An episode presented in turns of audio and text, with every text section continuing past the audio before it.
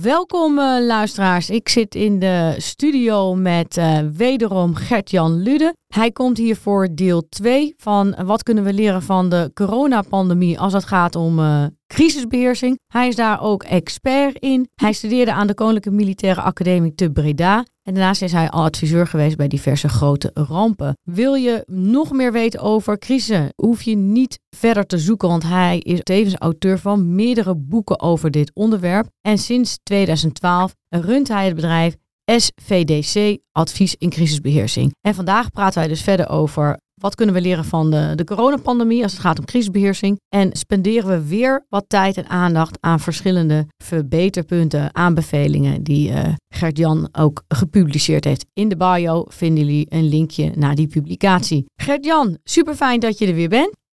Goedemiddag.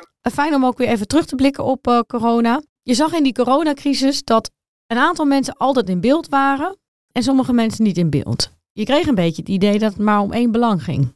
Ik denk dat je daar de spijker mee op de kop slaat. Ik, eh, ik heb daar een artikeltje over geschreven onder de titel Zorgexperts, de dominantie van de zorgexperts verlamt eigenlijk de integrale crisisaanpak. We hebben echt de, de, de virologen, de immunologen, de bacteriologen, de Van Dissels uh, in beeld gezien. 95% van de gevallen. En andere deskundigen, ja, die sloten later wat aan als het gaat om communicatiedeskundigen, gedragsdeskundigen. Maar het zijn eigenlijk allemaal specialisten. En eigenlijk heb ik de generalisten, de crisisbeheersingsexperts, waar Nederland er ook een paar honderd van heeft, toch wel aan tafel gemist. Ja, en wat mij opviel is dat er, doordat er continu alleen maar aandacht was voor de zorg, dat dat ook hetgeen was wat wij het belangrijkst vonden. In het begin van de crisis heb ik niet echt meegekregen dat het per se uh, om capaciteit ging. Dat kwam pas, naar mijn gevoel, een paar weken pas later in het debat. Maar het was wel altijd medisch. Het was altijd het redden van mensenlevens. We gingen natuurlijk meteen in een lockdown, omdat we ja, eigenlijk mensenlevens wilden redden. En daar gingen we, in, voor mijn gevoel, in het debat en in het gesprek steeds verder mee. Dus het ging niet in eerste instantie van, joh, je mag elkaar niet besmetten. Maar het ging op een gegeven moment ook van, joh, je mag niet zorgen dat de ziekenhuizen overbelast worden. Voor mij herinner ik me zelfs dat het afsteken van vuurwerk op een gegeven moment werd verboden, omdat men de handletsels en de oogletsels er niet bij kon hebben. Komt dat ook door dat wij als samenleving niet meer dood willen gaan? Is dat niet een algehele trend dat wij de dood niet meer accepteren en dat wij geloven dat we in een ultiem maakbare samenleving leven? Ja, zeker waar. In, in, in, de wereld van crisisbeheersing noemen we dat wat de risicoregelreflex. Hè. We willen bijna alle risico's uh, afdekken. Het begint al op de peuterspeelzaal, dat uh, kindertjes een helmpje op moeten en uh, met een plastic schaatje moeten knippen. En dat ze niet in de vingers mogen knippen. En dat werkt natuurlijk niet. Hè. We moeten ook risico's accepteren. Dus in, in die zin kunnen we nogal wat voorbeelden noemen waarvan ik zeg, ja jongens, dek nog niet alle risico's af. Dat kan niet. En hebben ook wat vertrouwen in de individuele burger. Maar jij had het even over die experts die allemaal aan tafel zaten. Dat is natuurlijk in het begin de focus op de, de zorg best begrijpelijk. Hè? Want men had ook een strategie bepaald, het kabinet. En dat was van meet af aan, we moeten het virus indammen.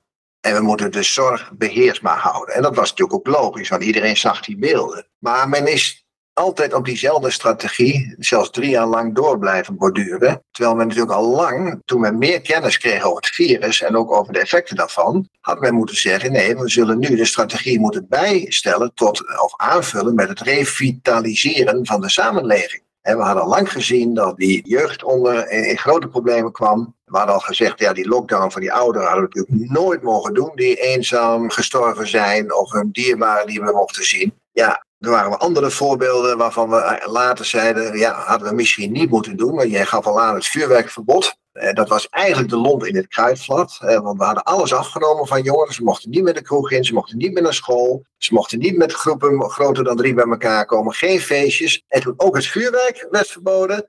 Ja, toen ontbraken die rellen uit. Hè? Dus je, je ziet dat toch dat dat allemaal wat ingewikkelder lag dan op eerste oog zo lijkt. Ja, en ik had ook in corona, in de vorige podcast ook een beetje over uh, complotdenkers gehad. Maar in alles zit natuurlijk wel een beetje een grond van waarheid. Hè? We doen altijd maar alsof ze wappies zijn. Maar ergens zit daar helemaal niet zo'n gek idee. De, de overheid was daadwerkelijk uh, je vrijheden aan het beperken. Aan het opleggen. Ik heb laatst wel eens met mensen het gesprek van, joh, hoe voel jij je er nou bij dat je je kind moest vaccineren omdat hij anders niet mee op vakantie mag? Of dat je kind moest vaccineren omdat hij anders niet naar school mocht komen? Weet je, dus je wordt in bepaalde situaties wel erg gedwongen als burgers om, om te complyen. In het licht van die zorg, in het licht van die maakbaarheid. En ik heb soms ook wel het idee dat we door die enorme focus op risico's ook als mens steeds angstiger worden. Hè? Dus niet alleen word je beperkt, het doet ook wat met jouw risicoperceptie. Als iedereen om je heen altijd maar bang is, bang is om dood te gaan, bang is om ziek te zijn, gewoon bang is voor alles. Wat doet dat dan met een samenleving? Ja, als die, die angst erin uh, sluipt, dat is, dat is geen goede raadgever. Nou kun je daar niet zoveel mee. Hè. Je kunt natuurlijk in de communicatie dat wel mede beïnvloeden. Maar dat is toch een gegeven hoe mensen reageren. Maar ik sta niet vreemd te kijken dat een heel, hele grote groep na verloop van tijd zei: wij, wij gaan toch op onze manier demonstreren. Je hebt mensen die doen dat met de pen, doen mensen doen dat met het woord. Sommige mensen, eh, die, met name die jongeren, maar er waren ook heel veel ouderen bij, die elk weekend naar Den Haag gingen, naar het Malieveld of naar de Dam. Vanuit intrinsieke motivatie een tegengeluid gaven. En natuurlijk wordt dat weer verstoord door onrust en kraaiers en onrustzoekers. Maar ik begreep die mensen wel, want dat was een manier om hun zorg ook te uiten. En kijk, in elke complexe crisis, waar je dus weinig kennis hebt, is het heel belangrijk dat je ook als crisisorganisatie het Rijk een tegenspraak organiseert en daar ook iets mee doet. En dat was een beetje het probleem in dit verhaal. Men koerste maar door op het eigen gelijk, dus door tunnelvisie. Want er waren heel goed georganiseerde tegenspraakorganisaties. Want het Red Team was er zelf ook bij betrokken. Er zaten er 150 deskundigen onder leiding van 12 experts aan de leiding. Ja, die mocht niet aan tafel. We hadden herstelnederland.nl, die vanuit economisch perspectief met adviezen kwam. Die werden afgeserveerd. We hadden een artsencollectief waren meer dan 800 artsen bij aangesloten die wat meer in de complementaire geneeskunde zaten. die werden verketterd door de reguliere wetenschap. Ja, en als je zo met mensen omgaat, dan krijg je dus steeds dat mensen agressiever worden, onrustiger worden en zich tegen die overheid keren. Dat heeft men voor een belangrijk deel aan zichzelf eh, te wijten. Ja, en wat dat punt betreft van die angst in die samenleving, ja, heel veel mensen die zijn denk ik ook niet eens meer, ik ken er velen, zo bang om dood te gaan. Hè. Die, die geven dat een plek en die hebben ook gekozen om zich niet te laten vaccineren, omdat ze echt wel vertrouwen hebben in hun eigen weerbaarheid en weerstand. Die hebben ook gelezen dat dit vaccin helemaal niet zo veilig was als men dit voorkomen. Ja, daar gaan we de komende tijd nog wel weer wat van zien. Dus ja, dat is allemaal best ingewikkeld. En van de andere kant snap ik ook wel dat die overheid een beetje een bepaalde koers wil vasthouden. Want, om niet alle kanten op te gaan wieberen, want dan spreken ze zich ook dagelijks tegen. Het is best ingewikkeld. Maar als dat boven tafel komt, dat we voorgelogen zijn met dat vaccin.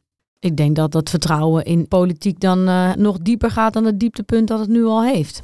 Nou ja, kijk, voorgelogen, dat is een zwaar woord. Hè? Uh, ik, ik geloof absoluut dat men willens en wetens zich heeft laten adviseren door de farmaceutische industrie, door de gezondheidsraad. En dat bestuurders hebben gedacht, nou ja, ons rest niet anders dan dat vaccin te promoten.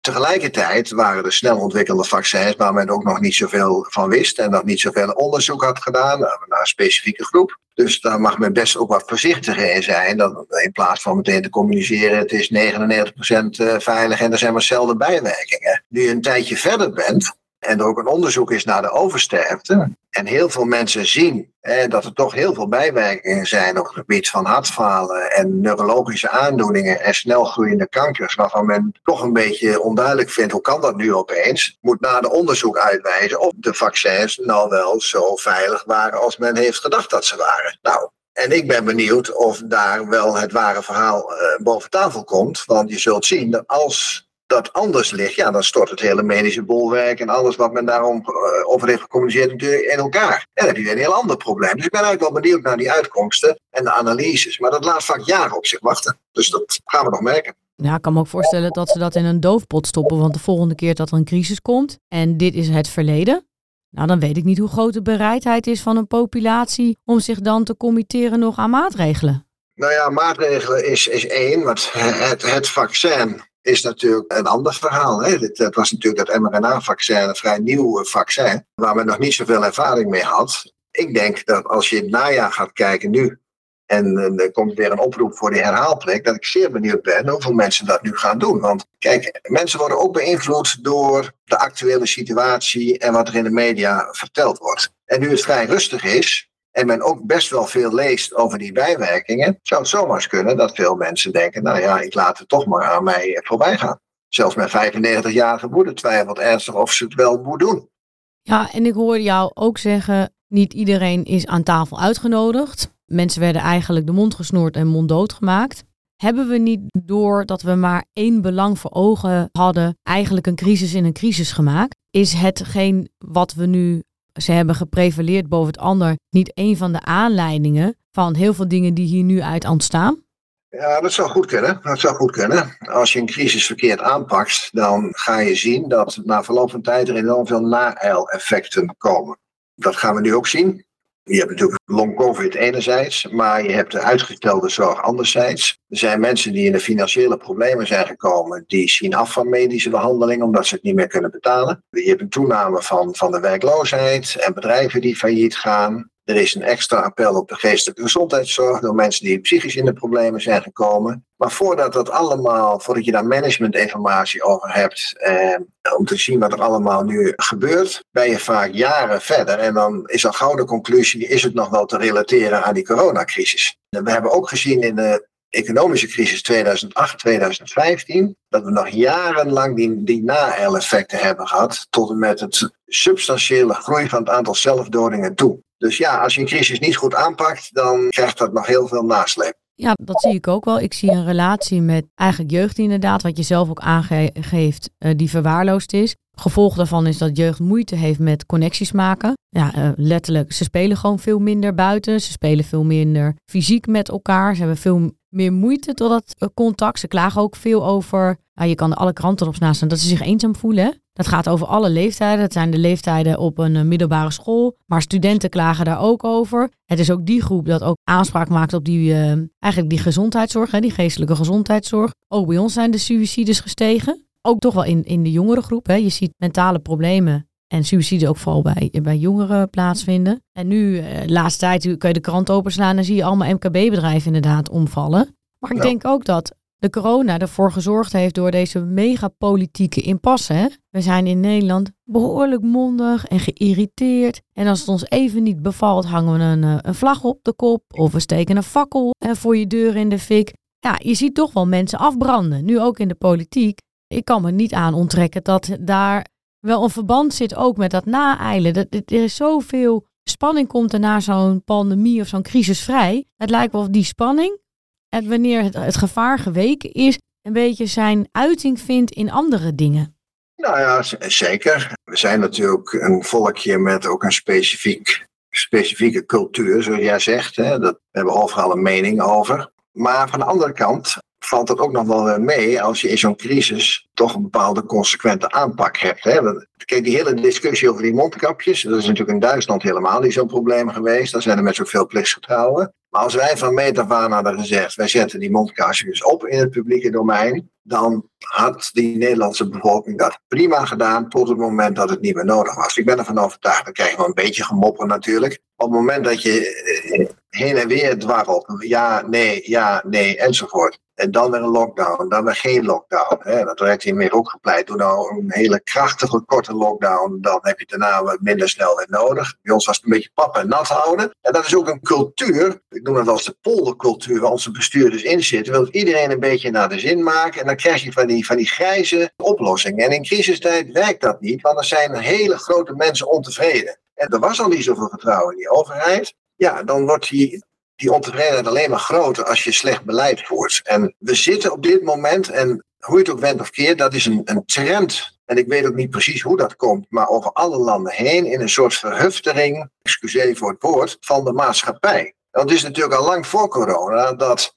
politie, brandweer, ambulancepersoneel hun werk niet meer kon doen. Dan wordt gewoon onjuist bejegend. De spoedeisende hulp in ziekenhuizen, die worden gewoon bijna allemaal in de nachtelijke uren zijn ze verbouwd door mensen die een onvrede en een gram halen. Om welke reden dan ook. Dat is ongekend. Waar komt dat nu vandaan? Die korte lontjes. Er zit veel stress onder de bevolking. Het woon-werkverkeer is vaak op afstand. Beide ouders werken, kinderen allemaal uh, naar school eten uit de muur, gehaast, gejaagd, er wordt minder gelachen. Dus er zit heel veel spanning in die maatschappij. En dat uitzicht natuurlijk juist in crisistijd in een blokje onvrede als men ervaart dat de maatregelen gewoon contraproductief zijn. Ja, en het is eigenlijk ook wel een contradictie wat je mooi zegt. Aan de ene kant hebben we onwijs de behoefte om te polderen. Want elke stem moet gehoord worden. En als we niet gehoord worden, worden we eigenlijk best wel boos. Maar we hebben zoveel belangen dat er wel elke keer een partij wel boos is. Dus het is ook wel oeverloze discussies soms. En aan de andere kant ben je op zoek naar soms een stukje daadkracht,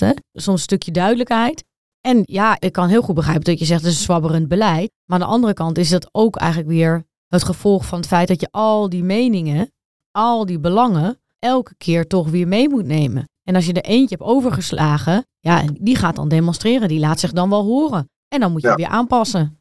Maar ja, het begint toch een beetje aan het top hoor. Want in de, eh, als een multidisciplinair ministerieel crisisteam goed functioneert en iedereen heeft daar zijn inbreng en je weegt daar goed, kun je heel snel de goede besluiten nemen. Maar daar, als die dominantie van die witte jassenministers, hè, in dit geval de premier met Hugo de Jonge en uh, Grapperhaus, die hebben het voor het zeggen. En dan zie je bijvoorbeeld de minister van Onderwijs en de minister van Defensie, die een beetje in de tweede, derde ring zitten, die de koffie inschenken. Ik chargeer een beetje. Ja, als die daar niet met de vuist op tafel slaan en daar niet doorheen komen, ja, dan blijf je bij die dominantie van die handjes die het meeste voor het zeggen hebben. En als het daar al niet goed gaat, dan vertaalt zich dat beleid negatief tot in de poriën van onze samenleving. En mevrouw Bijleveld had echt met de vuist op tafel moeten slaan. En die vaccinatiecampagne, die gaan wij, Defensie, onder civiel gezag, VWS, RIVM uitvoeren. Dat hebben we toen ook gedaan. Dat gaan we nu weer doen.